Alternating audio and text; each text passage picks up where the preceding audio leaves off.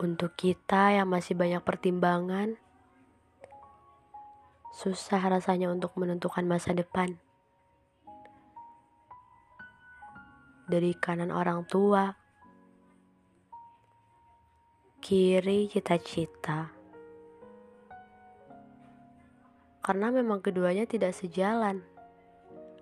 Keduanya tidak berjalan beriringan.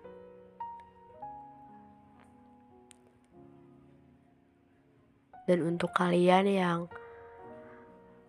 keduanya berjalan beriringan, cita-cita, dan di belakangnya dukungan orang tua,